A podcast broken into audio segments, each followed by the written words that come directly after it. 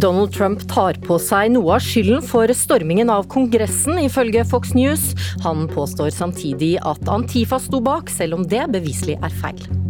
Færre er smittet av koronavirus siste døgn enn gjennomsnittet de siste syv dagene. Og Norge skal halvere klimagassutslippene, men planlagte nye veier vil gi store utslipp, viser ny rapport. Flere skritt i feil retning, sier Naturvernforbundet. Stengte kinoer har ikke skremt filmbransjen. Dokumentarfilmer dominerer filmvåren vi har foran oss. Så det er en gullalder for norsk dokumentar. Velkommen, dette er Nyhetsmorgen i NRK1 og på P2 Alltid nyheter i radioen med Åsa Vartdal og Ugo Fermariello. Det siste døgnet så er det altså registrert en nedgang i antallet som er smittet av korona. Ved midnatt så var det registrert til sammen 55 903 koronasmittede her til lands, etter at pandemien brøt ut i fjor. Og reporter Tor Albert Frøsland, en nedgang siste døgn, altså hva viser tallene? Tallene viser at 429 eh, nordmenn fikk beskjeden om at de har fått påvist koronasmitte det siste døgnet. da. Og Det er 126 færre enn for ett døgn siden, og 102 færre enn eh, på samme tid for en uke siden. Dette er det foreløpige tall fra meldesystemet for smittsomme sykdommer, MSIS, som viser. Og Den siste uken er det registrert til sammen 4662 nye smittede her til lands. 147 koronapasienter var i går innlagt på sykehuset, og det var fire enn døgnet før.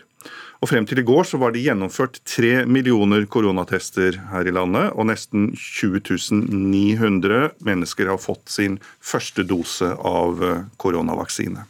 Og Tyder tallene på at eh, smitten er i ferd med å avta? Kan man si noe om det? Det kan man egentlig ikke. I alle fall mener myndighetene at det er litt tidlig uh, å si at, uh, at, at, at, vi har en, en, dreining i smittetallene. I alle fall sier myndighetene at vi venter til slutten av uken med å si noe mer konkret om dette er en trend på at smitten avtar. Det er lov å håpe. Takk til deg, reporter Tor Albert Frøsland. Det er innført unntakstilstand i USAs hovedstad Washington DC i forkant av at Joe Biden skal bli innsatt som president neste onsdag. Myndighetene frykter væpnede opptøyer i etterkant av stormen på Kongressen sist onsdag. Samtidig har ministeren for innenlands sikkerhet trukket seg. Vi spurte USA-korrespondent Veronica Westrin hva unntakstilstanden innebærer. Det betyr eh, at det amerikanske sikkerhetsdepartementet og føderale etater kan jobbe sammen med å sikre hovedstaden med lokale myndigheter. Ordføreren eh, her i Washington DC, Muriel Bowser, har jo bedt om dette, og sendte allerede på lørdag et brev til Departementet for eh, innenlandssikkerhet der hun ba om hjelp. Samtidig så har hun bedt innbyggerne om å holde seg unna sentrum på selve innsettelsesdagen. Og da er det også varsla at 15 000 fra Nasjonalgarden vil bli utplassert. Allerede så er det jo mange synlig til stede utenfor kongressbygningen her. Det er en spesiell stemning å bevege seg utenfor hjertet av demokratiet i USA akkurat nå. Hva konkret er det myndighetene frykter? FBI har jo sagt at de frykter væpnede protester i alle USAs 50 delstatshovedstader, og selvsagt også her i hovedstaden i dagene fremover nå.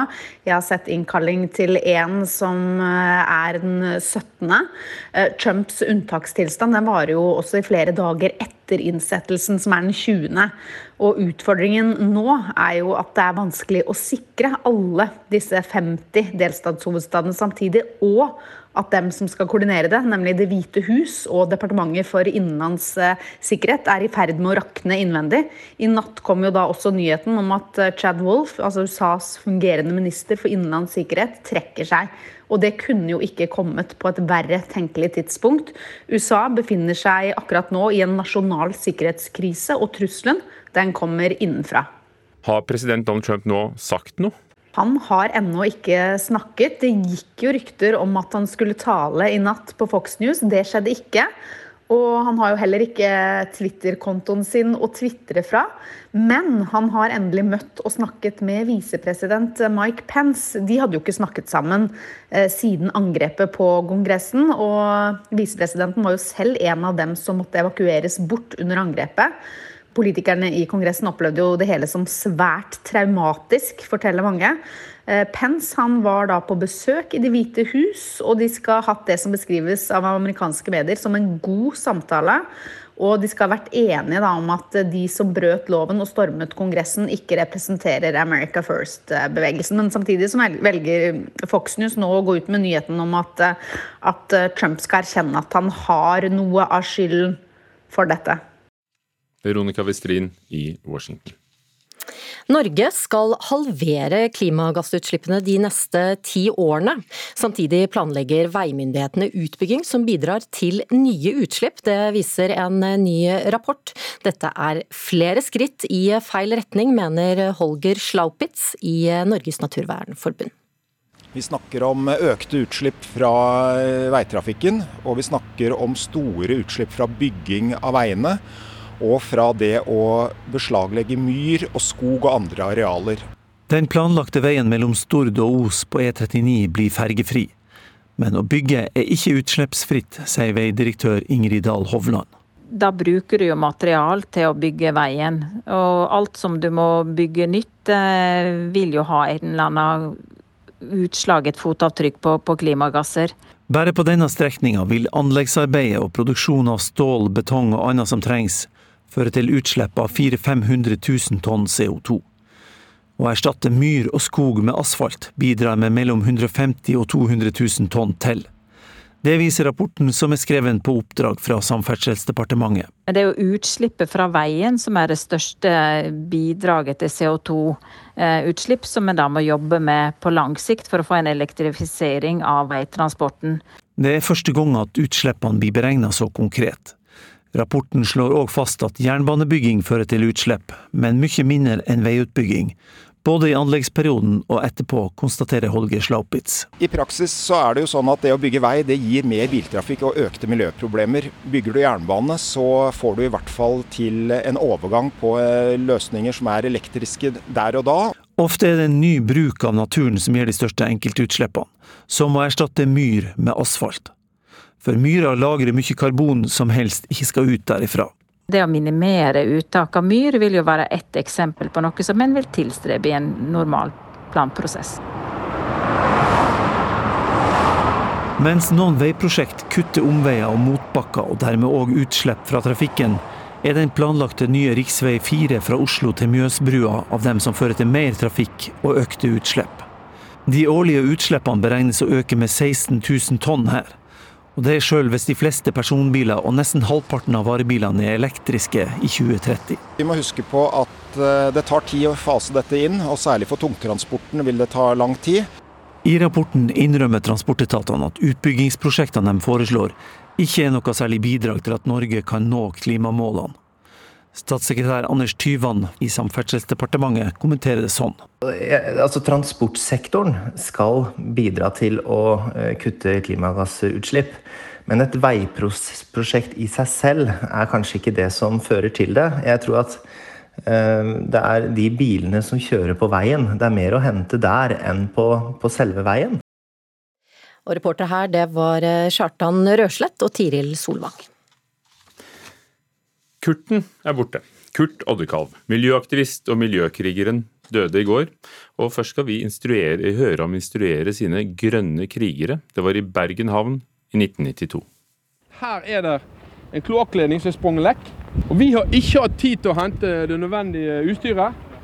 Og dere må sjekke om den ledningen er der. Så jeg uh, vil bare si det at uh, Hva faen er det dere står her etter? Hopp!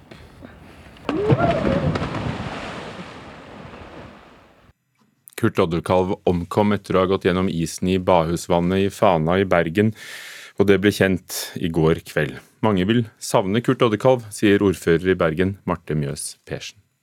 Kurt Oddekalv eh, har vært en markant samfunnsdebattant i mange tiår i bergenspolitikken. Han har gjort seg bemerket både her lokalt, men også nasjonalt med, med å være en bauta i miljøkampen, rett og slett.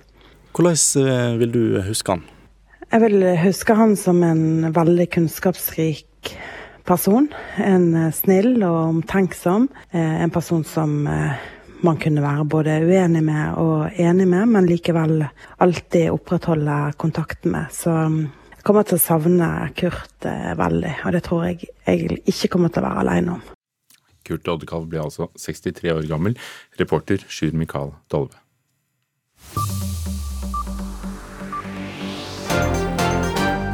Dette har skjedd i natt. I USA har president Donald Trump og visepresident Mike Pence snakket sammen for første gang siden stormingen av Kongressen i forrige uke. Møtet skjedde samtidig som demokratene i Representantenes hus forsøker å presse Pence til å avsette Trump. En kilde i regjeringen sier de to møttes i Det hvite hus og hadde en god samtale. Det siste døgnet er det registrert 429 koronasmittede i Norge. Det er 126 færre enn dagen før, og 102 færre enn samme dag i forrige uke. Immuniteten fra Modernas koronavaksine skal holde i minst ett år, forsikrer selskapet. Moderna sier de er trygge på at budbringerteknologien som brukes i vaksinen, også er godt egnet til å beskytte mot den nye varianten av koronavirus som er oppdaget i flere land. De første 4000 dosene av Moderna-vaksinen kommer til Norge i dag. Og dette skjer i dag. Det er ventet at demokratene i Representantenes hus altså vil starte prosedyrene for å føre en ny riksrettssak mot eh, president Donald Trump. Og Norsk Filminstitutt gir en forsmak på vårens elleve norske kinopremierer. Det blir samtaler med regissører og skuespillere og klipp fra filmene. Og alle kan selvfølgelig se det som eh, det meste andre, så skjer det også digitalt. Det har vært flere større oppslag i mediene om rusbruk blant tenåringer i Møre og Romsdal, og det har skremt foreldre og andre som er nær ungdommen. Men nå advarer fagpersoner mot å reagere for kraftig, for det kan forverre situasjonen ytterligere for de som allerede sliter. Med nystrøket uniformsskjorte står politimannen Eirik André Sæter i et klasserom på Averøy ungdomsskole. Det er kveld og Sæters andre informasjonsmøte denne dagen sosiale medier brukes som en omsetningsplattform. VG og Tidens Krav har tidligere publisert omfattende reportasjer om lokal ungdomseksperimentering med narkotika. Det endra på noe. Arbeidsdagen min ble nok eh, flere telefoner fra foreldre som var bekymra, men også skoler og idrettslag som ønska et samarbeid med politiet. De som fyller klasserommet nå, er ikke elever. Det er foreldreutvalget. FAU-leder May-Britt Stensundnes og nestleder Odd Sigbjørn Tvestad så et behov etter at et av tilfellene som ble slått opp, var en av ungdommene fra deres eget miljø. Jeg som leder i FAU kjemper sterkt for det å få vekk det her bygdedyret. Vi må tore å snakke til hverandre, vi må tore å bli snakka til, og vi må tore å fortelle om problemet som vi har. Åpenhet er nok det største ordet vårt i denne dugnaden. Samtidig også en åpenhet for uh, ungdom som har prøvd. For det vet vi at har skjedd, og vi vet nok òg at dessverre skjer igjen.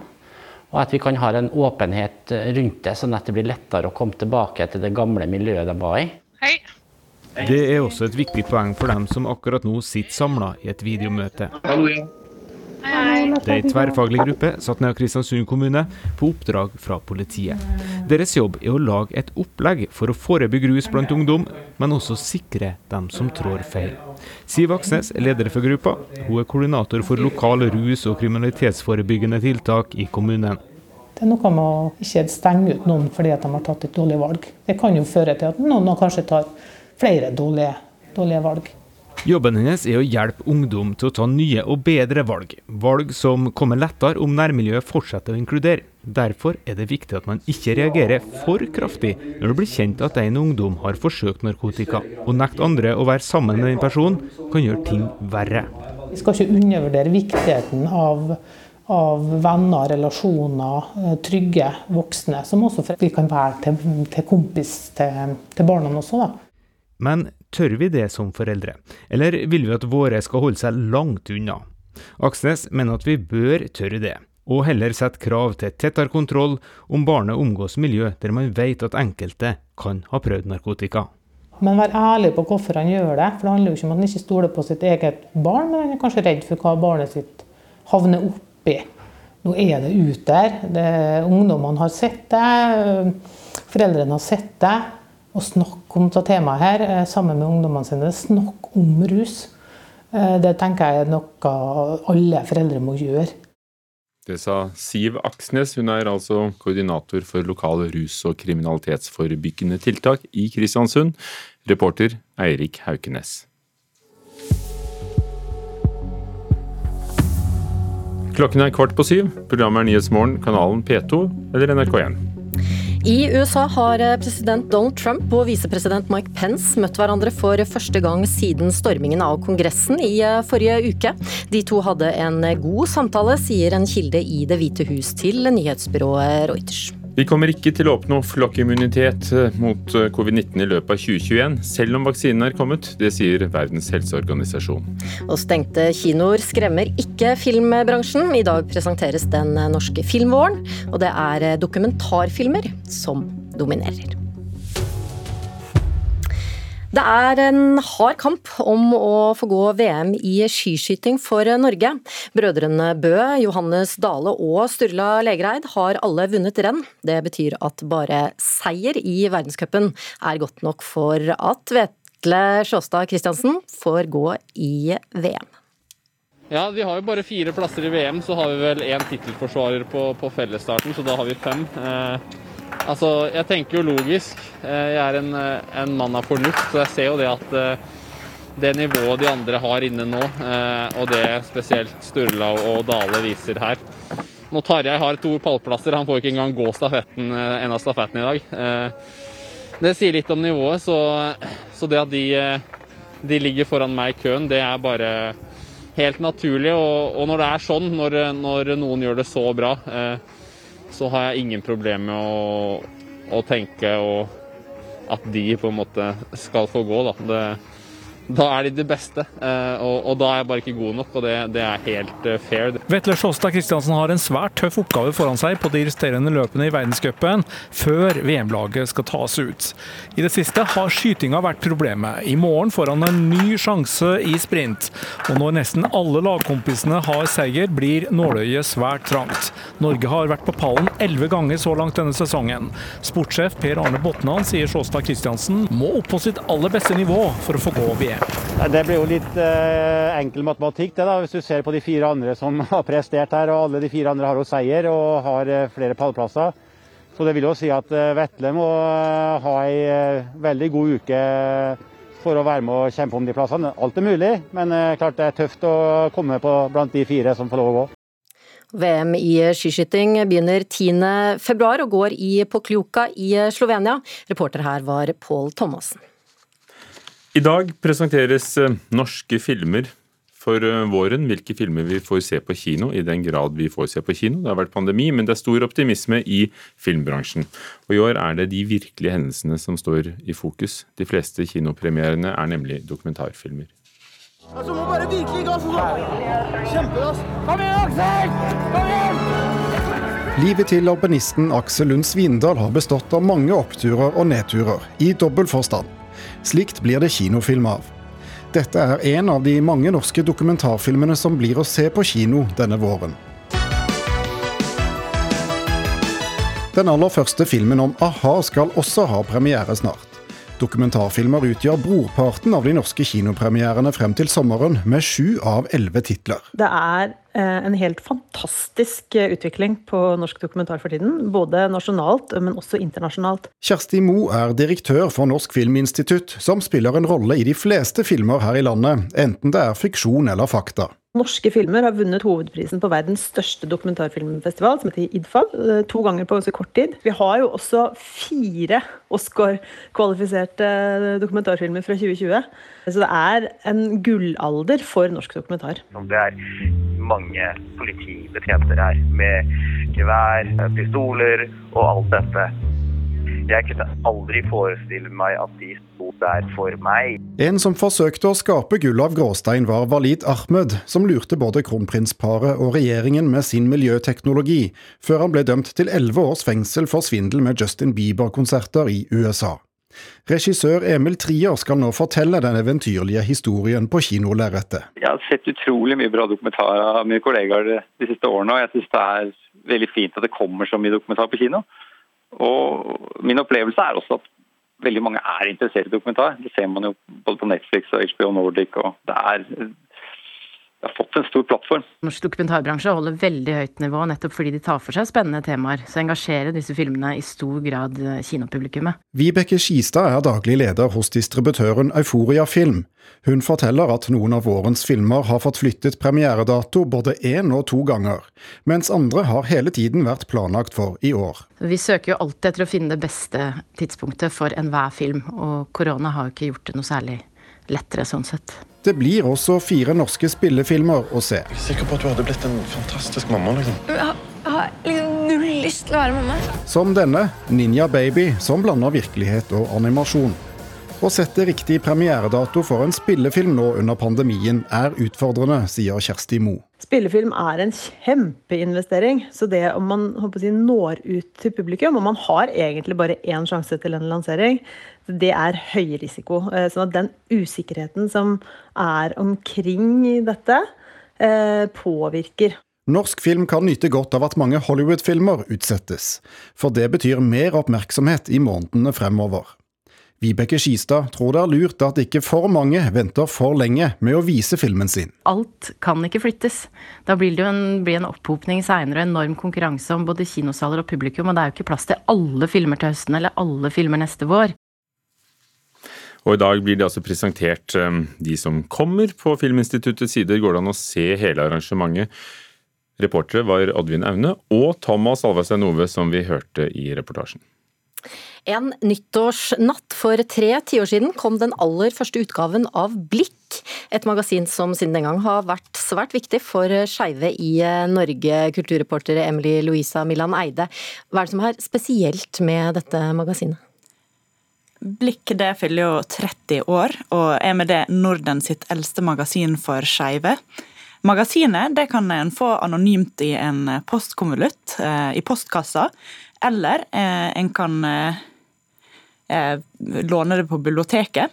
Men det er faktisk eh, sjøl etter eh, å ha vært tilgjengelig så lenge, det magasinet som oftest blir vekke fra bibliotek. da.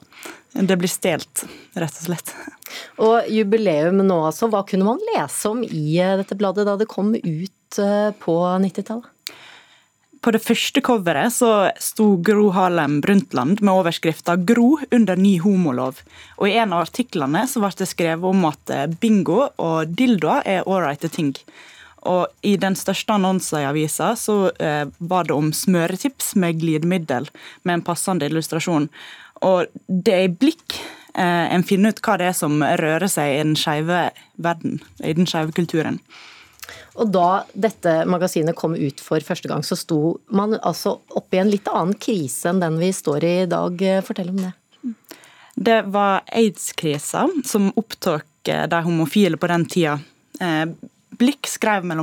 om at aids trua verdensøkonomien, og det hadde flere annonser som eh, fortalte om sikrere sex. Og Det forteller Erna Bøyum, som er redaktør for magasinet i dag. Hun understreka at om det ikke hadde vært for dette her magasinet, så hadde ikke det vært noen slik, kanal for slik informasjon da, for de skeive. Og Da Blikk først kom ut, så var det stor usikkerhet rundt hvordan hiv smitta. Og det var veldig tabubelagt å stå fram som hiv-positiv.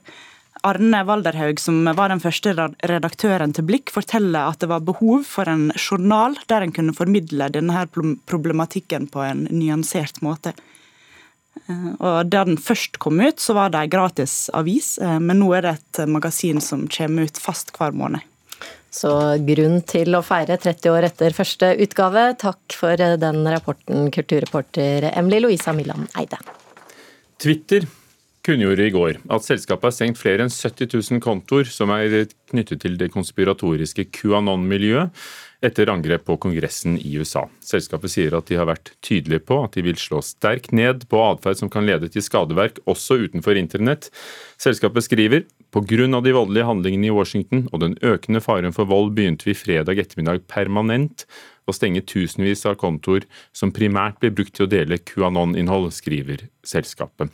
Og Når det er 70 000 konti, så viser det seg at det i mange tilfeller var én person som sto bak flere av dem. Og så har jo da selskapet, som flere andre sosiale medier som kjent, stengt også kontoen til eh, president Donald Trump, hans private. Det hvite hus har fortsatt en offisiell konto, men han foretrakk jo å bruke sin private. Så skal det handle om en sak som rystet Norge for 15 år siden. I 2005 ble åtte år gamle Kristoffer Gjerstad Kile funnet død i sengen sin i Kodal i Vestfold. Han hadde blitt mishandlet av stefaren over lengre tid. Saken rystet Norge og satte et fokus på varsling av vold mot barn. Det var jo en del ganger han kom på skolen og var rimelig skamslått. Jeg husker veldig godt det ene øyet hans som var veldig hovent og blått og ganske stygt slått. Så fikk vi på en måte bare beskjed om at eh, ikke tenk på det, han hadde dette jo slått seg. Chris Thomas Hansen Skogstad gikk på barneskolen med Kristoffer. Der var de vant til at han var en veldig aktiv gutt som slo seg ofte. Men etter hvert begynner mormor Ragnhild Gjerstad å reagere på alle de rare skadene, men barnebarnet bortforklarer blåmerker og vil ikke fortelle. Jeg sa det er noen som er slemme, men det er noen som må du si det til mormor. Vi lå på gulvet og pusla. Vi prøvde liksom for å få lirka ord ut av han. Men det var det han sa hele tida, det var at du skjønner det sjøl. Og jeg gjorde ikke det. De ansatte på skolen har mistanker om at noe er galt, men ingen melder fra til barnevernet. Det gjør heller ikke helsepersonell som undersøker skader på Kristoffer.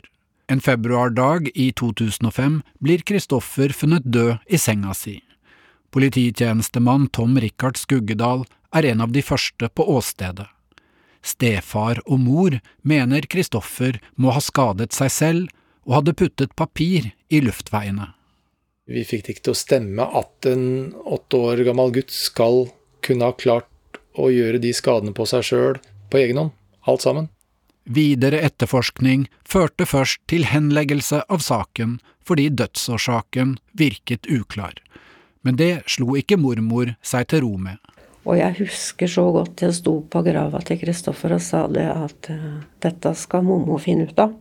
Flere advokater blir engasjert i saken, en av dem Anders Folkmann. Den første refleksjonen jeg gjorde meg, jeg tenkte i all verdens land og dager, hvorfor er denne saken henlagt?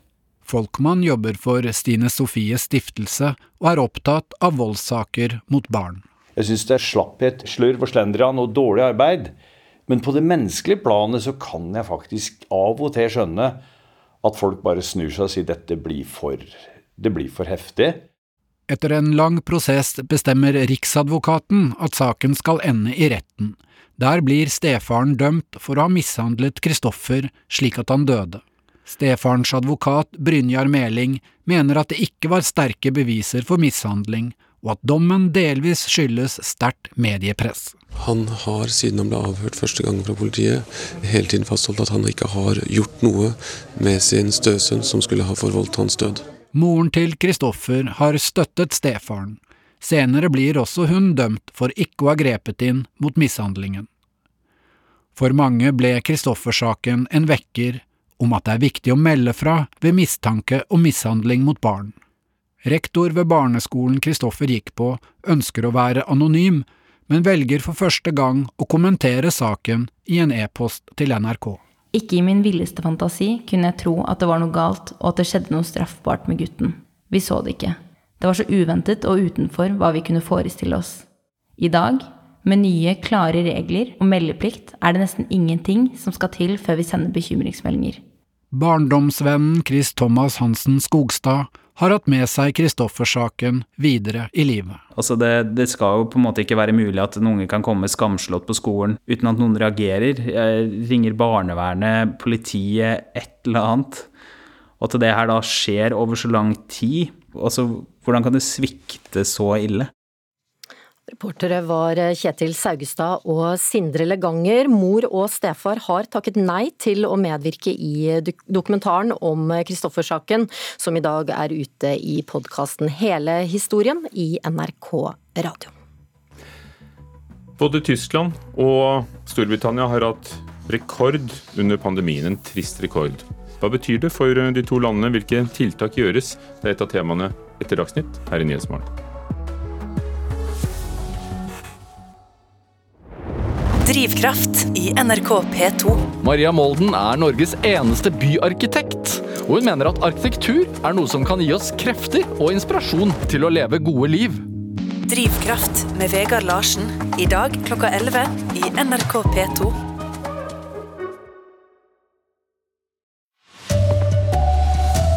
Her er NRK Dagsnytt klokka sju. En ny rapport har for første gang regna ut klimagassutslippene fra planlagte vei- og jernbaneprosjekt. Og medan Norge skal halvere utslippene de neste ti åra, vil mange av veiprosjektene gi store CO2-utslipp. Dette går feil vei, sier fagsjef Holger Slaupitz i Naturvernforbundet. Vi må kutte utslipp raskt, og alle steg i feil retning, det må da kompenseres med noe annet. Men å bygge er ikke utslippsfritt, sier veidirektør Ingrid Dahl Hovland. Og alt som du må bygge nytt, eh, vil jo ha en eller annen utslag, et fotavtrykk på, på klimagasser. Det er første gang at utslippene blir beregna så konkret. Ofte er det en ny bruk av naturen som gir de største enkeltutslippene, som å erstatte myr med asfalt. Men det er jo utslippet fra veien som er det største bidraget til CO2-utslipp, som vi da må jobbe med på lang sikt for å få en elektrifisering av veitransporten. Reporter Kjartan Rørslett. I USA har president Donald Trump og visepresident Mike Pence møtt hverandre for første gang siden storminga av Kongressen i forrige uke. Det melder Reuters. De to hadde en god samtale, opplyser ei kjelde i Det hvite hus til nyhetsbyrået. Samtidig har Trump vedgått at han har noe av ansvaret for den voldelige storminga av Kongressen i Washington DC forrige uke, opplyser kjelder til Fox News. Det hvite huset har til nå ikke kommentert disse opplysningene.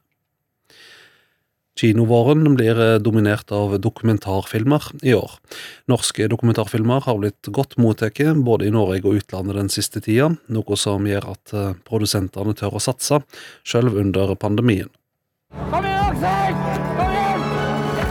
Livet til alpinisten Aksel Lund Svindal har bestått av mange oppturer og nedturer, i dobbel forstand. Slikt blir det kinofilm av. Den aller første filmen om a-ha skal også ha premiere snart. Dokumentarfilmer utgjør brorparten av de norske kinopremierene frem til sommeren, med sju av elleve titler. Det er eh, en helt fantastisk eh, utvikling på norsk dokumentar for tiden. Både nasjonalt, men også internasjonalt. Kjersti Mo er direktør for Norsk Filminstitutt, som spiller en rolle i de fleste filmer her i landet, enten det er fiksjon eller fakta. Så det er en gullalder for norsk dokumentar. Reportere Thomas Alverstein Ove og Oddvin Aune. Et svensk forskningsprosjekt skal lage et system der folk kan teste hvor gode vintersko er på glatt føre, alltid i butikken. Det svenske Trafikkverket, tilsvarende Statens vegvesen, finansierer prosjektet, melder nyhetsbyrået TT. Målet er å redusere tallet på alvorlige fallskader blant fotgjengere med 25% NRK Dagsnytt, Vidar Eidhammer.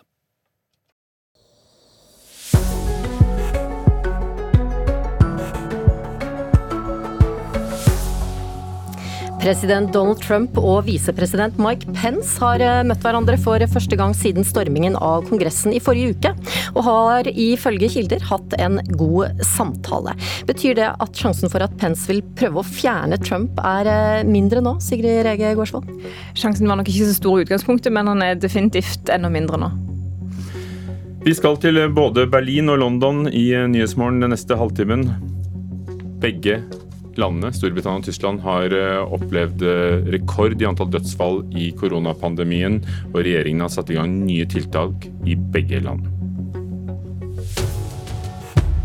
Det er Nyhetsmorgen også, i NRK P2 og NRK1 med Åsa Vartdal og Ugo Fermariello. Den amerikanske visepresidenten Mike Pence har altså snakket med president Donald Trump for første gang siden stormingen av Kongressen. Og de to skal ha hatt en god samtale, og mye tyder dermed på at Pence ikke kommer til å støtte et forslag om å få avsatt Trump før han formelt går av 20. januar. Joseph R. Biden Jr.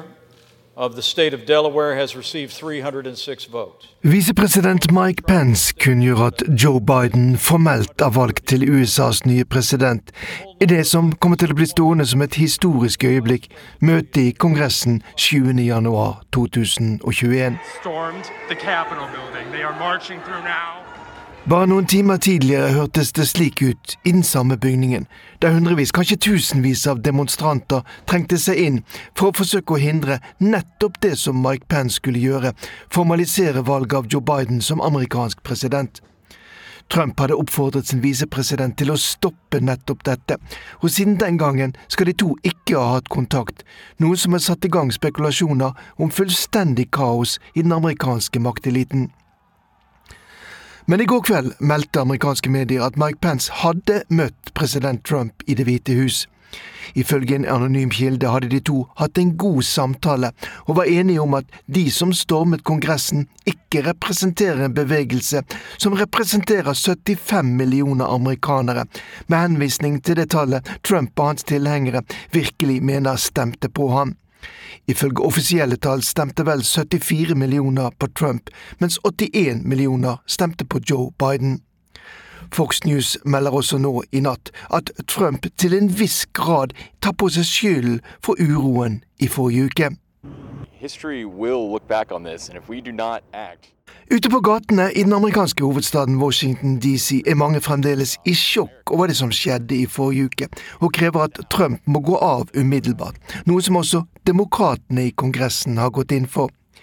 Men etter møtet mellom Trump og Pence i natt er det lite trolig at Pence vil bruke sin mulighet, med støtte fra halvparten av regjeringsmedlemmene, til å erklære Trump som uskikket til å styre landet. Donald Trump har selv sagt at han vil sørge for en smidig overgang til en ny presidentadministrasjon, men overlater til sin visepresident å være til stede ved selve innsettelsesseremonien 20. januar. Nå er nasjonalgarden plassert rundt sentrale bygninger i Washington, og Trump har innført unntakslover for å sikre at det som skjedde i forrige uke, ikke skal gjenta seg. Likevel er stemningen spent. I think the inflammatory words of Senator Cruz and Senator Hawley clearly had an det vi har hørt er en svært skadelig retorikk, mener Elisabeth Robinson, som nyhetsbyrået Reuters har snakket med. Hun mener at de senatorene, blant dem den høyt profilerte Josh Hawley fra Missouri, må bli holdt ansvarlig for sin rolle i opptøyene, og at det hele ikke bare må handle om for og mot Donald Trump. Reporter var Morten Jentoft. Velkommen til Nyhetsmorgen, Sigrid Rege Gårdsvold. Du er kommunikasjonsrådgiver og skribent for amerikanskpolitikk.no.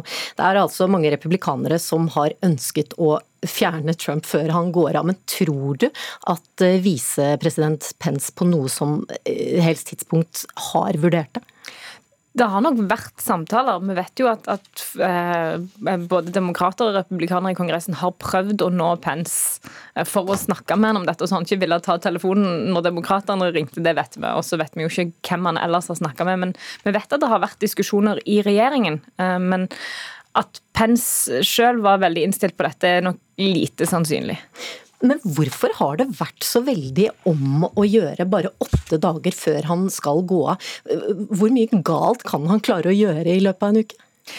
Nei, Det kan du si. Det var mange som sa hvor mye galt kan han klare å gjøre på to måneder òg, eh, etter valget i november. sånn at det, det, det, handler nok om både en slags sånn symboleffekt, at eh, en ønsker at det som skjedde skal ha konsekvenser. Eh, og så er det klart at han har fortsatt en, en mikrofon og kan fortsatt nå sine følgere.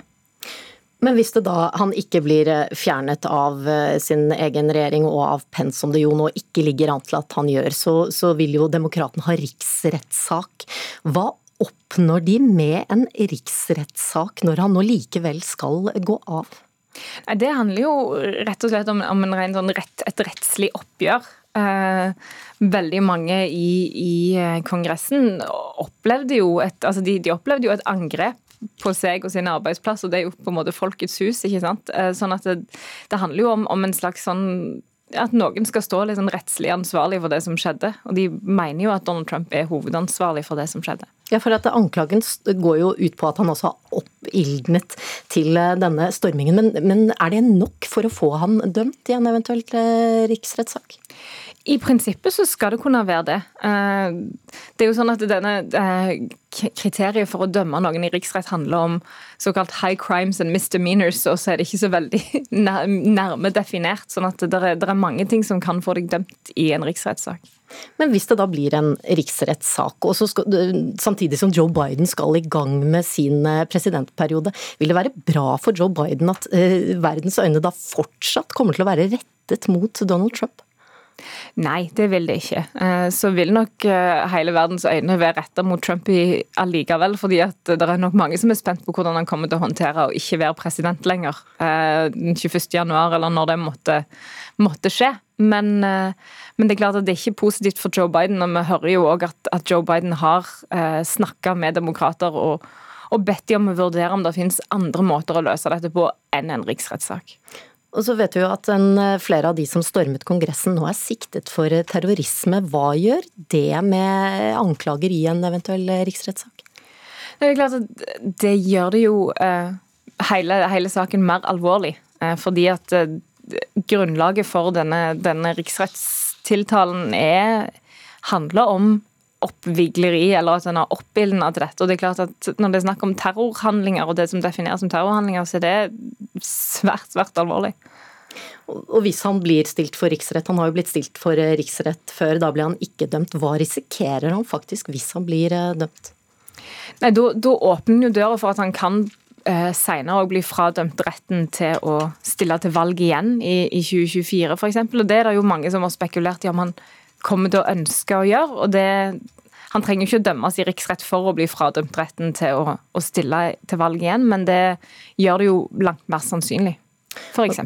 Og så er det altså åtte dager nå til Biden skal eh, sverges inn som ny president. Trump har jo sagt at han kommer ikke til å være der. Hvordan tror du de neste åtte dagene kommer til å bli?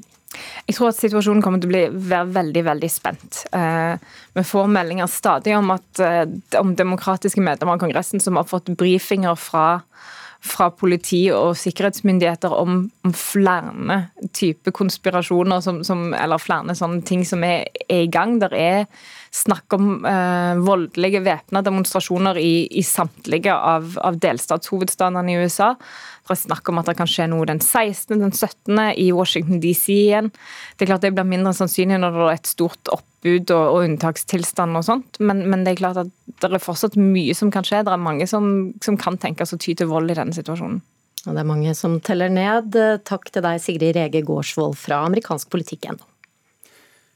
En kvinne som ble utsatt for vold av sin tidligere kjæreste, opplevde at det tok tre år at eh, voldsdommen mot mannen ble rettskraftig. Årsaken er at mannen reiste til Storbritannia og ikke fikk dommen forkynt, ifølge politiet. NRK har anonymisert kvinnen, men vi kaller henne Marit. Her forteller hun om det som skjedde den kvelden som gjorde at mannen ble dømt. Han slo meg på venstre side av hodet, rett bak øret. Første gang han slo, så tenkte jeg oi, så hardt har jeg aldri blitt slått før det svartna og lyste hvitt. Jeg tenkte at jeg ikke må skrike, sånn at jeg ikke skremmer ungene enda mer. Han slo igjen, og jeg tenkte oi, han kommer til å fortsette å slå, kanskje jeg må skrike sånn at dem som er i første etasje, kommer opp og hjelper meg. Slagene fortsatte, og tobarnsmoren endte på sykehus. Av hensyn til barna er hun anonym, Marit er ikke hennes ekte navn, og en reporter leser det hun forteller. Slagene førte til brudd på tinningsbeinet i hodeskallen. Etter hvert anmeldte hun volden, og det ble rettssak. Det var tøft, jeg grudde meg til sønnen min skulle vitne mot faren sin. Det gjorde han heldigvis på barnehuset, så han slapp å møte faren sin i retten. Men å se det avhøret av han, det var forferdelig tøft, det var ubehagelig å stå der og fortelle hva som hadde skjedd. Ekskjæresten ble dømt til ett år i fengsel og til å betale oppreisning til henne og barna. Det var en lettelse, jeg og barna ble tilkjent erstatning for krenkelse. Så skrev jeg søknad om voldsoffererstatning og tenkte at nå går ting som de skal. Etter halvannet år fant hun ut at dommen ikke var forkynt og dermed ikke rettskraftig. Det har gjort det vanskelig å få besøksforbud og erstatningen de har krav på. Etter rettssaken dro ekskjæresten, som er brite, til Storbritannia. Der har han sonet i fengsel for en annen forbrytelse. Det har vært belastende ikke å vite når han slipper ut og om han plutselig kan stå på døra. Man går i en alarmberedskap fordi ingenting er avgjort. Han har alle mulige rettigheter når dommen ikke er rettskraftig. Det er en svart sky som henger over hodet hele tida. Marit varslet selv politiet for snart to år siden om at ekskjæresten satt fengslet. Advokat Wenche Andreassen har bistått i saken. Hun er kritisk til politiets innsats for å få på plass en endelig dom. Jeg syns jo det er ganske skandaløst. Og eh, rettssikkerheten til fornærmede, den eh, er jo ikke til stede i det hele tatt. Jeg får inntrykk av at politiet da skyver papir frem og tilbake seg imellom Og at det er en slags pulverisering av ansvar. Men det er ikke uvanlig at det tar lang tid å forkynne dommer når domfelte er utenlands, ifølge politiinspektør Egil Brekke. Vi har jo begrensede muligheter for å kunne utøve myndighet i andre land og er da nødt til å gå gjennom eh, deres prosedyrer, som i mange tilfeller vil være forholdsvis tungvinte og ta tid. Han har jo sittet i fengsel i godt over et år. Hvorfor har man ikke da kunnet fått lest opp denne dommen i fengsel? Vi kan ikke foreta forkynningen, så da er vi avhengig av å få denne oversatt og be om bistand gjennom eh, engelske Home Office. De er behjelpelige, men de krever at dette skal skje gjennom et formelt spor hvor det skal være påtalekompetanse.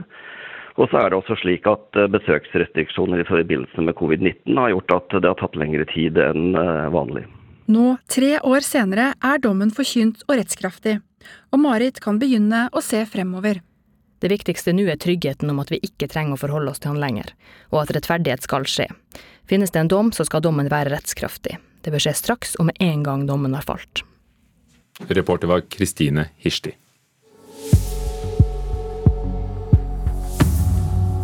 Og klokken er blitt 7.15, eh, og du hører eller ser på NRK Nyhetsmorgen. Norge skal halvere klimagassutslippene, men de planlagte nye veiene vil gi store utslipp nettopp. Og det er eh, registrert en nedgang i eh, koronasmittetallene siste døgn. Det tar tid å bli kvitt frykten etter et kvikkleireskred. I Indre Fosen arbeider de fremdeles med å gjøre innbyggerne trygge, 42 år etter det store Rissa-raset. Og om en eh, knapp halvtime så er det Politisk kvarter, eh, Håvard Grønli. I dag har vi to tema for sendinga. Rett før helga så smalt det grundig i Oslo-politikken. Da ville plutselig Høyre kvitte seg med den mest framskutte politikeren i hovedstaden. I går gikk Øystein Sundelin av. Men handler det her om dårlig lederskap, slik det ble påstått, eller handler det om politisk retning, spør vi Oslo-kommentatorer. Og så eh, vil regjeringa utgreie ei lov som kan innføre portforbud. Det håper eks-regjeringsmedlem Trine Skei Grande blir lagt i ei skuff. Politisk kvarter om en halvtime. I Tyskland har tallet på koronarelaterte dødsfall passert 40 000, og smitten øker. Regjeringen har satt i verk nye tiltak for å bremse smitten, og, og nedstengningen av landet har blitt uh, utsatt igjen og igjen, altså forlenget. Korrespondent i Berlin, Roger Severin Bruland, hvilke tiltak er det det er snakk om? Ja, det var jo en eh, ganske dyster eh, milepæl, det her. Og nå ble jo eh, lockdown utvida til 31.1. Og nye strenge tiltak, som f.eks. at fra denne veka av så er det bare lov å ha én person på besøk. Og steder der smitten er veldig høy, så har en faktisk ikke lov til å reise mer enn 15 km utenfor bygrensa, om en da ikke har et eh, da, gyldig eller essensielt ærend. Så hvor alvorlig er da smittesituasjonen, hvis du ser Tyskland som helhet nå? Angela Merkel har sagt at de neste ukene vil bli de aller tøffeste for Tyskland under hele pandemien. Hun ber folket om å stålsette seg. Før jul så snakka vi om at eh, altså politikerne at, at, det døde liksom Det var et flykrasj for dag. Eh, de dødstallene vi ser jo bare de stiger, og, vi er jo og visse dager opp i, i 1000 døde for dag. Eh, så det er klart at situasjonen er alvorlig. Og en håper jo nå at uh, nye, strenge tiltak vil føre til at en klarer å få skikk på pandemien, til at en har fått klare å vaksinere tilstrekkelig mange. Roger, du ble med oss videre, men vi skal til Storbritannia, der smittetallene også er skyhøye. Korrespondent eh, Øyvind Nyborg, før helgen ble det erklært krise pga. mangel på sengeplasser på sykehusene i eh, London. Eh, hvor ille vil du si at situasjonen der er nå? Det er ille, og det kommer til å bli verre. Dødstallene stiger jo nå til godt over 1000 om dagen. og Én av 50 har eh, covid-19 i Storbritannia nå. Eh, det er enda verre her i London. Én av 30 har sykdommen. Og problemet nå er jo at sykehusene er eh, overveldet. de har måttet ta i bruk hotell for å få plass til alle pasientene. og Noen steder er det også mangel på oksygen. Leger og sykepleiere er helt nedslitt etter mye jobbing. Og eh, tallene viser at andre juledag så var det 15 000 på sykehus. Nå er det over 30 000. Så det er en alvorlig kamp mot klokka her i Storbritannia. Det er snakk om uker før sykehusene kneler. Men, men så vet vi jo at eh, britene har eh, veldig strenge tiltak, strengere tiltak enn det vi har. Hva er det som gjør at eh, tallene likevel eh, stiger? Det er den eh, mer smittefarlige varianten som får eh, skylda, og som har ført til at kurvene her har skutt i været. Og så skjer jo da spredningen i sosiale sammenhenger så har det vært litt eh, kaotiske tilstander i parker og utefester osv. Sånn som jeg har sett i helgen. Noen tror at det er litt av forklaringen, men, men eh, det vet vi jo ikke ennå. Så begynner vi å se effekten av jula. Tyskland, Roger Severin Bruland i Berlin, har jo et av de høyeste tallene på intensivplasser på sykehusene. Men er det også i Tyskland bekymring for om helsevesenet, som i Storbritannia, vil, vil klare oppgaven, vil møte pandemien? Vi ser altså at bare det siste døgnet så er det, eh, er det over 12 800 nye tilfeller. Ja, i aller eh, høyeste grad. Eh, og Tyskland som du sier, har veldig god kapasitet. Kanskje et av de landene i verden som har best eh, kapasitet på intensivsenger per innbygger. Men nå snakker en om at 80% av intensivsengene er fylt opp. Og en er bekymra. Det er en uvanlig situasjon for det tyske helsevesenet å være i. Og, og, som i Norge, så er det også i Tyskland mye oppmerksomhet rundt vaksineringen som eh, er begynt. Hvordan går det med, eh, med det prosjektet? Ja, Det er jo snakk om 600 000 som har fått eh, vaksinen, men Tyskland har jo 80 millioner innbyggere, så det er en lang vei å gå. En prioriterer helsevesen og, og sykehjemsboere over 80 år. Og så håper en jo det at uh, nye vaksiner uh, vil komme uh, på plass. Nå fikk jo den en ny kvote fra Biontech Pfizer, den første vaksinen. Og så blir det jo stilt håp til at et annet tysk firma, CureVac, i samarbeid med farmasigiganten Bayer, også skal komme med vaksine snart, slik at det vil bli tilgjengelig vaksine for alle, ikke bare i Tyskland, men i hele Europa. Vi husker jo i vår det var krangel og strid rundt fordeling av smittevernutstyr i EU. og Det har nok eh, den tyske regjeringa lært av. og Nå er det veldig stort fokus på solidaritet, og at eh, en skal dele vaksiner vaksine mellom medlemslandene på en rettferdig måte.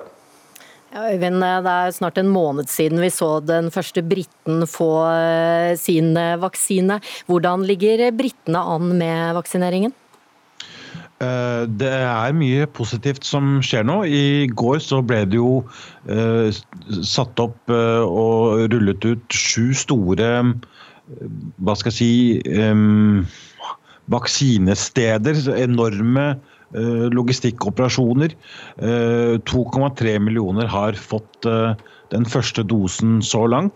Og det er jo som i Tyskland at man håper å få vaksinere de mest sårbare først. Og det man har sagt seg som mål her, det er 15 millioner innen midten av februar. De fleste tror at det er et ganske optimistisk mål, for foreløpig så klarer de jo bare å vaksinere 140 000 om dagen. Og så er det jo et stort spørsmål her. Uh, som vi ikke får ordentlig godt svar på, er om produsentene har nok, om, om det kommer mer til de britiske øyer. Så er det for tidlig å slippe jubelen løs, som vi vet. Og uh, før det kan skje, så varsles det faktisk enda strengere tiltak i Storbritannia. Hvilke tiltak er det snakk om? Det er snakk om enda strengere tiltak, men i første omgang så er det rykter. Det er nok nå mer et spørsmål om å prøve å banke inn og prøve å få folk til å følge de eh, reglene som er.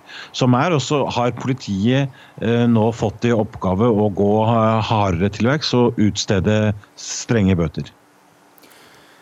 Også i, i, i, Tyskland er det jo da oppmerksomhet om at det går for sakte med vaksinen, som i flere andre land. Kanskje alle bare ønsker at det skal gå uh, utrolig mye fortere. Men Roger Severin Bruland, uh, er det fart på vaksineringen, eller er det trøbbel i de forskjellige delstatene? Ja, Regjeringa får jo massiv kritikk fordi at eh, det går for lite. En har bestilt for få doser. Men igjen, solidaritetsprinsippet står sterkt. En vil ikke gjøre samme feil som i fjor. En, en vil at det skal være likebehandling i EU, og at en skal, skal alle skal vaksineres. og Det skal ikke være noe forskjellsbehandling i EU. Selv om Tyskland selvsagt har en fordel med at de har flere av vaksineprodusentene innenfor landets grenser. Takk skal du ha, Roger Severin Bruland i Berlin. Og Øyvind eh, Nyborg i eh, London. Og vi kan ta med at Samtlige norske kommuner nå mottar vaksiner i løpet av uken, men 89 av dem får bare ett glass, ifølge Folkehelseinstituttets tall. Det er en krevende logistikk, sier instituttet til TV 2 i morgentimene. Det tar tid å komme seg på fote etter et stort leirskred, som det som gikk i Gjerdrum. 42 år etter Rissa-raset arbeider fortsatt Indre Fosen i Trøndelag med å trygge innbyggerne sine. Kommunen har bl.a. Uh, hatt veldig mye fokus på rassikring. Det vises ikke så godt her nå fordi det er litt snø på. Men hvis det hadde vært helt bart, så hadde du sett uh, steinene oppover langs kantene av sidene.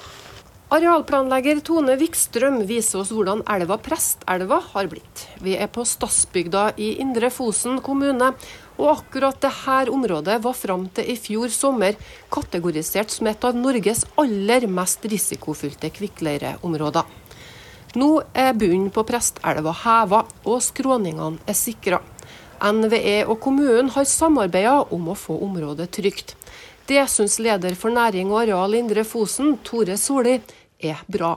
Det føles eh, greit. Det Målsettinga er å få sikra de områdene som er usikre. Og Det er her vi har god hjelp bl.a. av NVE. For Indre Fosen kommune har en dramatisk historie for ras. 29.4.1978 gikk det store Rissa-raset. Over 20 hus og gårder forsvant i kvikkleireskredet. 42 år etter raset er det så langt fra glemt. Vi har den historien vi har i kommunen. Og jeg vil si Det har ført til at vi har en ekstra oppmerksomhet rundt dette med kvikkleire. Eh, både politisk og i administrasjon og hos innbyggerne våre. På hvilket vis da? Eh, for kommunen sin del så er det nok sånn at eh, vi har en ekstra oppmerksomhet på det i saksbehandlinga vår. Eh, vi har jo plan- og bygningsloven som ivaretar dette når vi skal gjøre inngrep og bygg. Og Da har vi rutiner som ivaretar dette hensynet til geoteknikken. Siden raset i Gjerdrum gikk i romjula, har de som jobber i Indre Fosen kommune fått ekstra mange engstelige henvendelser. Det er nok en del av innbyggerne som uh, gjenopplever uh, Rissaraset. Uh, og det gjør at vi som kommune nå ønsker å informere ekstra om hvordan vi håndterer dette med kvikkleire i, i saksbehandlinga vår, sånn at innbyggerne kan føle seg trygge på, på at vi gjør det som er nødvendig. Geir Ågesen har som mange andre i disse dager reflektert litt ekstra over det her med skredfare. Nei, så det er jo i hele tatt i Trøndelag altså, er det mye kvikkleire. Men så lenge de ikke roter for mye borti så tror jeg ikke det er så farlig. Du føler deg relativt trygg? Ja. Det er når de begynner med anleggsarbeid borti da må man følge med litt. For da er det skummelt, tror jeg. Andreas Høvik Ekerhovd bor på Stadsbygda. Han er heller ikke redd. Ja, jeg føler meg trygg, ja. Selv om det er ganske mye kvikkleire her. Et ras fører jo til at bevisstheten omkring det eh, blir større. Eh, både i fagmiljøene og blant oss og blant alle. Eh, det negative er jo at utryggheten blir større òg, da. Så vi må, vi må jobbe mer med det. Tone Wikstrøm er arealplanlegger i Indre Fosen kommune i Trøndelag. Reporter Ingrid Lingård Strand.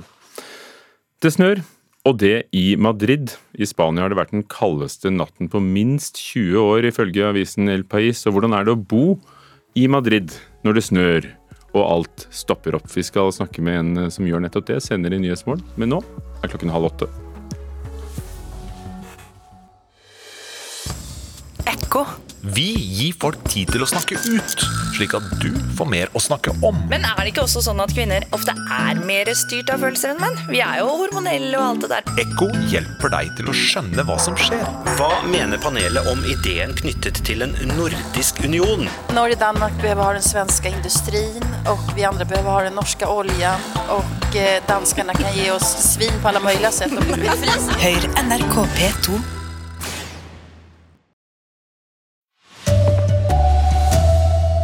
Norge skal halvere klimagassutslippene, men planlagte nye veier vil gi store utslipp. Det er registrert en nedgang i koronasmittetallene siste døgn. Donald Trump og Mike Pence har møtt hverandre for første gang siden stormingen av Kongressen. Her er NRK Dagsnytt klokka 7.30.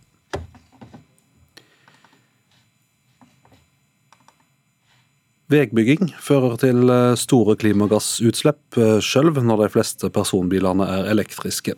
Det syner en rapport fra transportetatene til eh, Samferdselsdepartementet. Norge skal halvere klimagassutslippene de neste ti årene, og samtidig planlegger styresmaktene utbygging som fører til nye utslipp. Dette går feil vei, mener fagsjef Holger Slaupitz i Norges naturvernforbund. Vi snakker om økte utslipp fra veitrafikken, og vi snakker om store utslipp fra bygging av veiene. Og fra det å beslaglegge myr og skog og andre arealer. Den planlagte veien mellom Stord og Os på E39 blir fergefri. Men å bygge er ikke utslippsfritt, sier veidirektør Ingrid Dahl Hovland. Og alt som du må bygge nytt, vil jo ha en eller annen utslag, et fotavtrykk på, på klimagasser. Bare på denne strekninga vil anleggsarbeidet og produksjon av stål, betong og annet som trengs, føre til utslipp av 400 000-500 000 tonn CO2. Å erstatte myr og skog med asfalt bidrar med mellom 150 og 200 000 tonn til. Det viser rapporten som er skrevet på oppdrag fra Samferdselsdepartementet. Det er jo utslippet fra veien som er det største bidraget til CO2-utslipp, som vi da må jobbe med på lang sikt for å få en elektrifisering av veitransporten. Det er første gang at utslippene blir beregna så konkret. Rapporten slår òg fast at jernbanebygging fører til utslipp, men mye mindre enn veiutbygging. Både i anleggsperioden og etterpå, konstaterer Holger Slaupitz. I praksis så er det jo sånn at det å bygge vei det gir mer biltrafikk og økte miljøproblemer. Bygger du jernbane så får du i hvert fall til en overgang på løsninger som er elektriske der og da. Reportere Kjartan Rørslett og Tiril Solvang. Det siste døgnet er det registrert en nedgang i tall som er smitta av korona, sammenlignet med samme døgn i forrige uke. Ved midnatt var det til sammen registrert 55 903 koronasmitta her til lands etter at pandemien starta i fjor. Reporter Tor Albert Frøsland, hva syner de siste tallene? De viser at 429 nordmenn fikk beskjeden om at de har fått påvist koronasmitte det siste døgnet, og det er 126 færre enn for et døgn siden, og 102 færre enn for en uke siden. Det viser altså da de foreløpige tallene fra det nasjonale meldesystemet for smittsomme sykdommer, MSIS. Og Nedgangen i Oslo er faktisk også veldig betydelig. 85 fikk påvist smitten i går, og det er 75 færre enn snittet for de siste sju dagene. 147 koronapasienter var i går innlagt på sykehus. Det er fire flere enn døgnet før. Tre millioner koronatester er tatt i Norge. Nesten 20 900 mennesker har fått sin første dose av koronavaksinen. Tyder taler på at smitten er i ferd med å avta? Det er det for tidlig å si noe om. Myndighetene vil vente til slutten av denne uken med å konkludere på å si noe mer konkret om dette er en trend på at smitten da avtar. Reporter Tor Albert Frøsland. Utenriksnorm, den amerikanske visepresidenten Mike Pence har snakka sammen med president Donald Trump for første gang siden stormingen av Kongressen i forrige uke. Ifølge kilder i Det hvite huset hadde de to en god samtale, og mye tyder på at Pence ikke kommer til å støtte et forslag om å få avsett Trump før han formelt går av neste onsdag. The for President of the United States are. Joseph R. Biden Jr. Visepresident Mike Pence kunngjør at Joe Biden formelt er valgt til USAs nye president, i det som kommer til å bli stående som et historisk øyeblikk, møtet i Kongressen 7.1.2021. Trump hadde oppfordret sin visepresident til å stoppe nettopp dette, og siden den gangen skal de to ikke ha hatt kontakt. Men i går kveld meldte amerikanske medier at Mike Pence hadde møtt president Trump i Det hvite hus. Ifølge en anonym kilde hadde de to hatt en god samtale, og var enige om at de som stormet Kongressen, ikke representerer en bevegelse som representerer 75 millioner amerikanere, med henvisning til det tallet Trump og hans tilhengere virkelig mener stemte på ham. Ifølge offisielle tall stemte vel 74 millioner på Trump, mens 81 millioner stemte på Joe Biden. Fox News melder også nå i natt at Trump til en viss grad tar på seg skylden for uroen i forrige uke. Ute på gatene i den amerikanske hovedstaden Washington DC er mange fremdeles i sjokk over det som skjedde i forrige uke, og krever at Trump må gå av umiddelbart, noe som også demokratene i Kongressen har gått inn for. Men etter møtet mellom Trump og Pence i natt er det lite trolig at Pence vil bruke sin mulighet, med støtte fra halvparten av regjeringsmedlemmene, til å erklære Trump som uskikket til å styre landet. Sa reporter Morten Jentoft. Og Trump har nå også innført unntakstilstand i Washington DC i dagene før og etter innsettinga av Joe Biden som den neste presidenten. Og Twitter har stengt flere enn 70 000 kontoer knytt til den konspiratoriske rørsla QAnon etter åtaket på Kongressen i Washington DC. I mange tilfeller var det én person som drev flere kontoer. Twitter skriver at de vil slå hardt ned på framferd som kan leie til skade utenfor nettet. En kvinne som ble utsatt for vold av ekskjæresten, måtte vente i tre år på at voldsdommen mot mannen skulle bli rettskraftig. Årsaken er at mannen reiste til Storbritannia og ikke fikk dommen forkynt, ifølge politiet. NRK har anonymisert kvinna og kaller henne Marit. Hun forteller om kvelden som var årsaka til at ekskjæresten ble dømt. Han slo meg på venstre side av hodet, rett bak øret. Første gang han slo, så tenkte jeg oi, så hardt har jeg aldri blitt slått før. Det svartna og lyste hvitt. Slagene fortsatte, og tobarnsmoren endte på sykehus. Av hensyn til barna er hun anonym. Marit er ikke hennes ekte navn, og en reporter leser det hun forteller. Slagene førte til brudd på tinningsbeinet i hodeskallen. Etter hvert anmeldte hun volden, og det ble rettssak. Det var tøft. Jeg grudde meg til sønnen min skulle vitne mot faren sin. Ekskjæresten ble dømt til ett år i fengsel og til å betale oppreisning til henne og barna. Det var en lettelse. Jeg og barna ble tilkjent erstatning for krenkelse. Etter halvannet år fant hun ut at dommen ikke var forkynt, og dermed ikke rettskraftig. Det har gjort det vanskelig å få besøksforbud og erstatningen de har krav på. Etter rettssaken dro ekskjæresten, som er brite, til Storbritannia. Der har han sonet i fengsel for en annen forbrytelse. Det har vært belastende ikke å vite når han slipper ut, og om han plutselig kan stå på døra. Man går i en alarmberedskap fordi ingenting er avgjort. Men det er ikke uvanlig at det tar lang tid å forkynne dommer når domfelte er utenlands, ifølge politiinspektør Egil Brekke. Vi kan ikke foreta forkynningen, så da er vi avhengig av å få denne oversatt og be om bistand gjennom engelske Home Office. De er behjelpelige, men de krever at dette skal skje gjennom et formelt spor hvor det skal være påtalekompetanse. Nå, tre år senere, er dommen forkynt og rettskraftig, og Marit kan begynne å se fremover. Det viktigste nå er tryggheten om at vi ikke trenger å forholde oss til han lenger, og at rettferdighet skal skje. Finnes det en dom, så skal dommen være rettskraftig. Det bør skje straks og med en gang dommen har falt. Reporter Kristine Hirsti. Kinovåren blir dominert av dokumentarfilmer i år. Norske dokumentarfilmer har blitt godt mottatt både i Norge og i utlandet den siste tida, og det gjør at produsentene tør å satse, sjøl under pandemien. Kom igjen, Aksel! Livet til alpinisten Aksel Lund Svindal har bestått av mange oppturer og nedturer, i dobbel forstand. Slikt blir det kinofilm av. Den aller første filmen om a-ha skal også ha premiere snart. Dokumentarfilmer utgjør brorparten av de norske kinopremierene frem til sommeren, med sju av elleve titler. Det er en helt fantastisk eh, utvikling på norsk dokumentar for tiden. Både nasjonalt, men også internasjonalt. Kjersti Mo er direktør for Norsk Filminstitutt, som spiller en rolle i de fleste filmer her i landet, enten det er fiksjon eller fakta. Norske filmer har vunnet hovedprisen på verdens største dokumentarfilmfestival, som heter IDFA, eh, to ganger på ganske kort tid. Vi har jo også fire Oscar-kvalifiserte dokumentarfilmer fra 2020. Så det er en gullalder for norsk dokumentar. Vibeke Skistad er daglig leder hos distributøren Euforia Film. Hun forteller at noen av vårens filmer har fått flyttet premieredato både én og to ganger, mens andre har hele tiden vært planlagt for i år. Alt kan ikke flyttes. Da blir det jo en, blir en opphopning seinere, enorm konkurranse om både kinosaler og publikum, og det er jo ikke plass til alle filmer til høsten eller alle filmer neste vår. Reporter Thomas Alvarstein Ove og Oddvin Aune.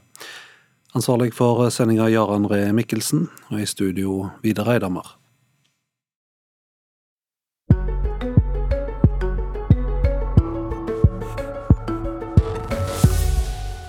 Her i Nyhetsmorgen skal vi høre at mange elever og studenter setter en tape over eller skrur av kamera når de deltar i undervisning hjemme, selv om det fører til at de lærer mindre.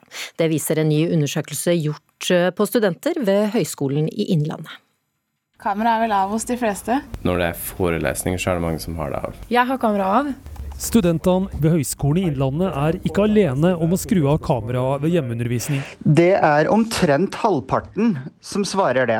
Sier Gaute Rydland Nilsen, en av forskerne ved Institutt for organisasjon, ledelse og styring ved Høgskolen i Innlandet, som har undersøkt forholdet mellom svarte skjermer og læringsutbytte. Og resultatet er entydig. Tett oppunder 60% svarer at de har redusert læringsutbytte av å ha svart skjerm. Vil ikke at andre skal se meg. Har som regel ikke ordna meg. Og... Du ser jo hjemmet til folk, da. Hvis du hadde stått opp litt seint og gikk rett på, så hadde du kanskje ikke kamera på enn hvis du hadde hatt tid til å i hvert fall få gjort noe med håret så det ikke så ut som det kom rett fra senga. Og da handler det gjerne om hvordan man ser ut på håret, og hvordan man ser ut ellers. Har en rotete leilighet, noen har kanskje barn som springer rundt osv. osv. En del svarer at når det er 200 studenter og det er en forelesning, så de, har de alltid kameraet av. Men når det er i mindre grupper, da skrur de kanskje på kameraet. Jeg følger jo med på læreren og det læreren viser frem, og ikke hva de andre medstudentene gjør. Men det kan jo være ålreit for læreren å se at her er det faktisk noen som følger med, sånn at man ikke føler at man er alene, da. Når man har en svart skjerm, så sniker det seg inn en viss følelse av at man har meldt seg litt ut av undervisninga. Og det har vi merka at de som hadde svarte skjermer, ikke svarte når vi snakka til de. Så det er jo tydeligvis en forståelse hos en del av de studentene som har svarte skjermer, at de heller ikke lærer så mye som de skal, da. Ja, og det kan jo være lettere å snike seg unna, da, på Sånn som jeg har telefonen liggende veldig lett her. Og hvis jeg har den lett tilgjengelig, så kan det være lett å eh, ta den opp hvis ingen andre ser at man tar den opp. Lettere å la den ligge hvis man vet at andre følger med på hva du gjør for noe. Det er et omstridt tema. Vi bekymrer oss veldig, særlig for disse heltidsstudentene som vi da føler vi ikke får fulgt opp. Den nye undersøkelsen viser at det spesielt er de som studerer fulltid som skrur av kamera, og dermed får mindre læringsutbytte. Deltidsstudentene klarer seg bedre, forteller doktorgradsstipendiat og høyskolelektor Rydland Nilsen. Vi tror de har en annen motivasjon. Og det kan komme av at de da er mer vant til at undervisningen er digital.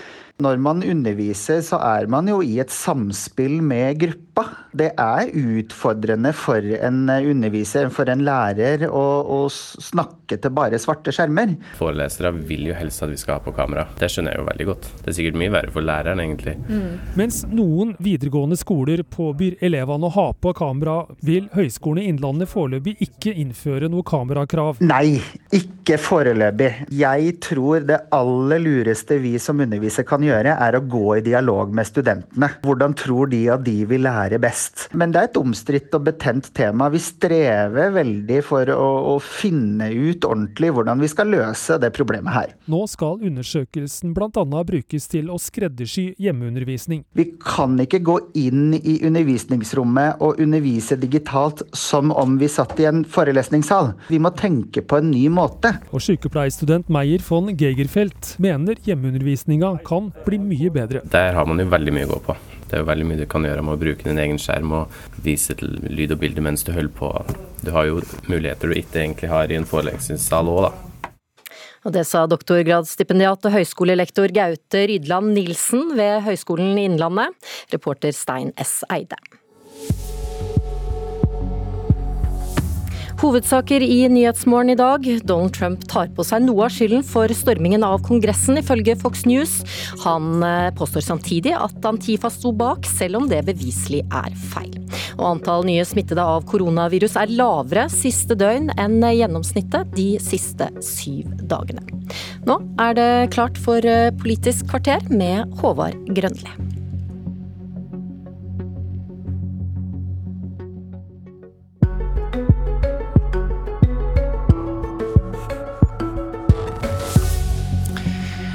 Han som hadde Høyres fremste posisjon i hovedstaden, var plutselig en elendig leder, sa et flertall i gruppa hans. I går trakk Øystein Sundelin seg. Hva handler dette om, spør Politisk kvarter. Og regjeringa utgreier portforbud. Et slikt forbud er å sette folk i fengsel hjemme, sier Trine Skei Grande. Den tidligere venstrelederen, som altså satt i regjeringa fram til den dagen Norge stengte. Men vi begynner i Oslo-politikken og spør oss hvor stort problemet til regjeringspartiet Høyre er. For landets største by var i mange år en Høyre-by, og mange vil huske Høyre-ledere i byen som Fabian Stang og kanskje Erling Lae. Men etter valget i 2015 har Høyre vært i skuggene, og hovedstaden styrt av Aps Raymond Johansen sammen med SV og MDG. Og mange vil nok kanskje ikke kunne svare på hvem som har hatt de fremste posisjonene for Høyre. Men fredag ga iallfall partiet lyd fra seg. Et flertall i bystyregruppa gjorde et mistillitsforslag kjent i media, og foreslo at han som var leder for bystyregruppa, Øystein Sundelin, måtte gå av. I går skulle forslaget opp til avstemning, men Sundelin trakk seg før møtet, og her er det han sa til NRK i går. Jeg tar nå et steg til side, slik at Oslo Høyre kan komme bedre ut av dette. Ja, hvordan kan de komme bedre ut ved at du trekker deg? For da stopper diskusjonen som handler om gruppeledervervet, og vi kan legge de harde frontene bak oss. Så dette er mitt bidrag for at vi skal få et godt gruppemøte som kan diskutere veien videre på en ryddig og god måte. Og etter møtet var en av de som stilte mistillitsforslaget, Anne Håbet Rygg, stemt fram som ny leder. Det er klart det er ikke noen gledens situasjon i partiet, dette her. Men jeg er jo glad for at gruppen viser meg tillit til å kunne ta arbeidet videre fremover. Eirik Mosve, du er mangeårig politisk reporter i VG, og nå politisk redaktør i den nystarta avisa Oslo. Dette brevet om mistillit sprakk først i De ferske avis, og det brevet det var ikke helt politisk hverdagskost. Hva er spesielt her? Nei, jeg stilte jo spørsmål om dette var et uh, politisk selvmordsforsøk fra Høyre. For det virka jo som det kom som lyn fra klar himmel uh, på hele det politiske miljøet. For så vidt også på Høyre selv, og det syns jeg reaksjonene gjennom helga og alt etterpå tyder på at det også var. Og det var en veldig spesiell på en måte ordlyd. det var veldig tungt skyts, uvanlig i norsk politikk, at eh, vi i pressen skal være glad for at eh, konflikter kommer åpent ut. Samtidig så var det noe av dette her som var eh, bortimot mystisk i all sin på en måte prangende kritiske holdning da, til sine egne, uten at noen egentlig kanskje hadde fått med seg noe av dette på forhånd. Mm, og det du blant annet snakker om da, er jo at de som ville ha sin egen leder fjerna, brukte veldig sterke ord om hans manglende lederegenskaper, altså begrep som løgn. Ehm, og ehm, har de underbygd den påstanden godt? Altså hvis du, Vi vet jo ikke nøyaktig alt som har vært der, men de var jo såpass vennlige mot oss alle at de sendte ved en lang liste over ting de mente da Sundelin hadde gjort galt.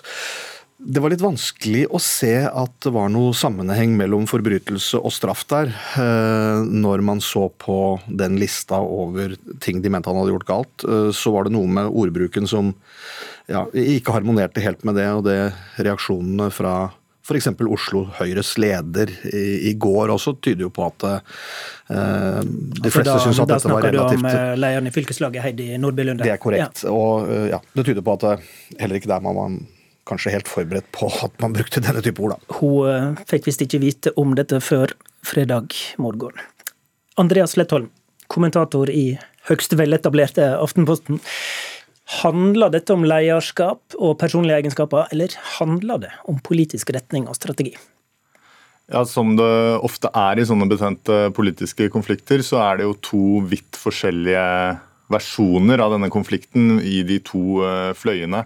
Eh, de som har gått for organisert dette eh, politiske mytteriet, de mener jo bare at dette handler om hans eh, manglende evne til å bli Eller til at man ikke kan stole på han, ikke sant. Mens mange av de som da stemte mot denne flertalls... Eller stemte blankt i denne flertallsinnstillingen i, i går, de har nok en analyse som går mye mer på at dette er en Eller dette i hvert fall også er en sånn politisk, strategisk strategisk eh, kamp internt i Høyre. Det var elleve som stemte blankt eh, i går. Mosveen, leser du dette som eh, personkamp eller kamp om politisk retning? Jeg er litt enig med Aftenposten her at det som regel er begge deler. Personkamp er det jo utvilsomt, det har vi sett. Men samtidig så er det en underliggende ting her. Og det er hvordan Høyre skal klare å komme seg tilbake til makten. Og der er det et skisma. Fordi all makt i Oslo-politikken de to siste valgene går gjennom hvordan du stiller deg til bil, parkering og MDG. Og det er ingen tvil om at uh, der har de to fløyene forskjellig syn. Uh, Sundelin står for en noe mer uh, hva skal vi si, forsonende holdning til de grønne partiene og, og, disse tingene, og er mer opptatt av å bruke ord som at de er urbane og grønne, mens de er mer tradisjonelle. anti på en måte byrådet og den politikken på den andre siden.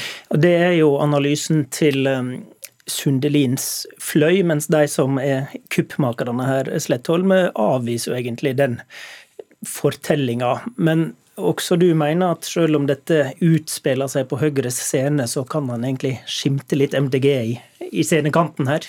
Ja, eh, altså veien til, eh, til, makt i Oslo tror jeg det også er en erkjennelse av eh, at eh, går, i, går gjennom MDG. Eh, og, og, og, da blir jo spørsmålet om man skal uh, forsøke å nærme seg uh, MDG, eller om man skal stå, stå hardt på det som på en måte var strategien de forrige fire årene, nemlig at, at man skal være en tydelig mm. opposisjonsstemme både i, i stil og, og, innhold. Og det vil jo, med mindre det skjer Nå skal man være forsiktig med å spå i norsk politikk, plutselig er Senterpartiet en maktfaktor i Oslo-politikken, for alt vi vet. Okay, men, men, det er klart at dette er en viktig strategisk diskusjon for partiet. Altså Skal Høyre styre byen, så må de forholde seg til det ganske store MDG? Ja, og i hvert fall når da Venstre også, jo som var i sonderinger med, med dette byrådet, også beveger seg den veien, så blir det egentlig et spørsmål skal man stå på siden sammen med eh, Fremskrittspartiet og kanskje Bompengepartiet, eller, eller skal man inn til sentrum? Mm. Både Sundelin og Anne Håbet Rygg og flere har vært invitert til å komme til Politisk kvarter for å kaste lys over konflikten, men har eh, takka nei. Det ble ytra ønske om å se framover og ikke bidra til å holde liv i denne konflikten mer. Eh, I hva grad klarer de å rydde dette av veien nå, Mosveen? Ja, Det er ikke så lett å spå om det, men jeg syns det eh, er ganske talende da, at eh, ingen, eh, etter å ha stelt i stand alt dette, så er det ingen som ser seg tjent med å komme hit og diskutere det, eller komme andre steder og diskutere det. Og det sier jo noe, tror jeg, da, om hvor dårlig man som parti har kommet ut av dette. Og det, det, det så til, til, å begynne med ut som et selvmordsforsøk det, politisk. Det, det er i hvert fall inntil nå ser ut som en ganske heftig sånn politisk selvskading. da. Mm. Men Slettholm, dette var jo samtidig noe som ikke var på radaren til særlig mange. Er det likevel en konflikt som virker av en størrelse eh, som ser ut til å leve videre? Det kommer jo litt an på hvordan aktørene nå eh, velger å håndtere det videre. Det er jo eh, ingen tvil om at eh, strekket i laget i Høyre er veldig stort på en del sentrale politikkområder, og også på hvordan Høyre skal være som opposisjonsparti. Og, så, og det vil det sikkert være, men så er spørsmålet om da man vil få nye opprør eller en mer synlig konflikt i tiden fremover. Det er litt tidlig å si ennå. Hvis vi hever blikket litt, så er forholdene i noen av storbyene her i landet veldig annerledes enn i rikspolitikken. Erna har styrt landet i snart åtte år, men i Oslo så har Ap snart styrt i seks år, og like før jul ble lederen i Oslo Frp ekskludert, og fylkeslaget satt under administrasjon. Hvordan står det egentlig til med borgerlig side i hovedstaden?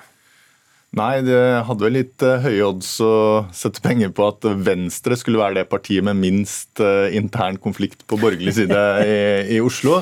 Uh, det, men, det, blir vår neste gjest glad for å høre. Ja. ja men. Nei, men, men, det er klart at Høyres forhold til Frp har også vært en sånn strategisk nøtt, hvor jeg har hørt fra mange Høyre-folk at de har ønsket å distansere seg derfra, fordi folk stemmer rett og slett ikke på Frp i, i Oslo. Og så kommer dette bråket som som jo dels har med det å gjøre i, i Oslo Frp. Og så får du noe av det samme i, i, Høyre. sånn at det er en kjempeutfordring. Og igjen så er det MDG som, som eh, representerer liksom det, det, annerledes eh, for borgerlig side. Takk til Andreas Slettholm. Takk til Eirik Mosveen. Abonner på Politisk kvarter som podkast og få sendinga rett til din mobil. Regjeringa har sendt et lovforslag på høring som skal kunne gjøre det mulig å innføre et portforbud. Men eh, portforbud er å sette folk i fengsel i egen heim. De ordene kommer fra deg, Trine Skei Grande, fram til i fjor eh, medlem av regjeringa.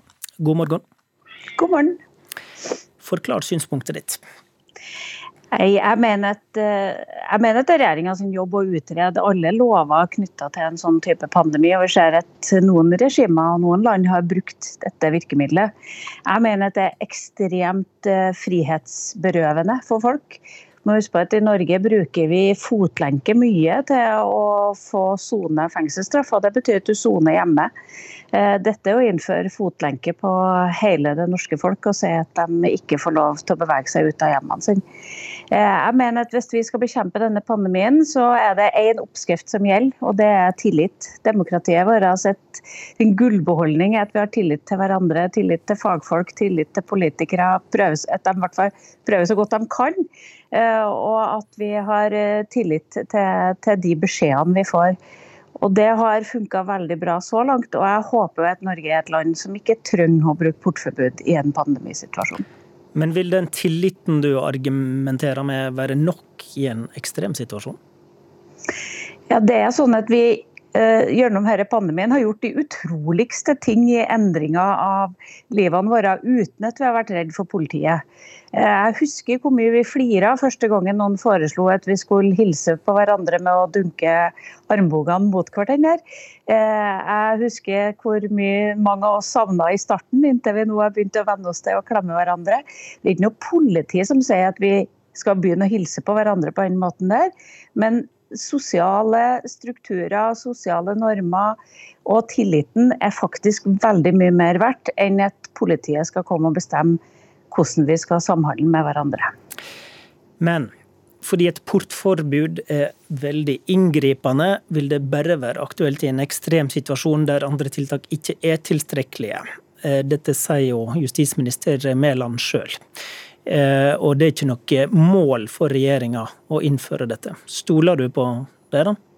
Jeg er helt sikker på at Monica Mæland har det å innføre portforbud i Norge ganske langt ned på lista av ting hun, hun ønsker å gjøre.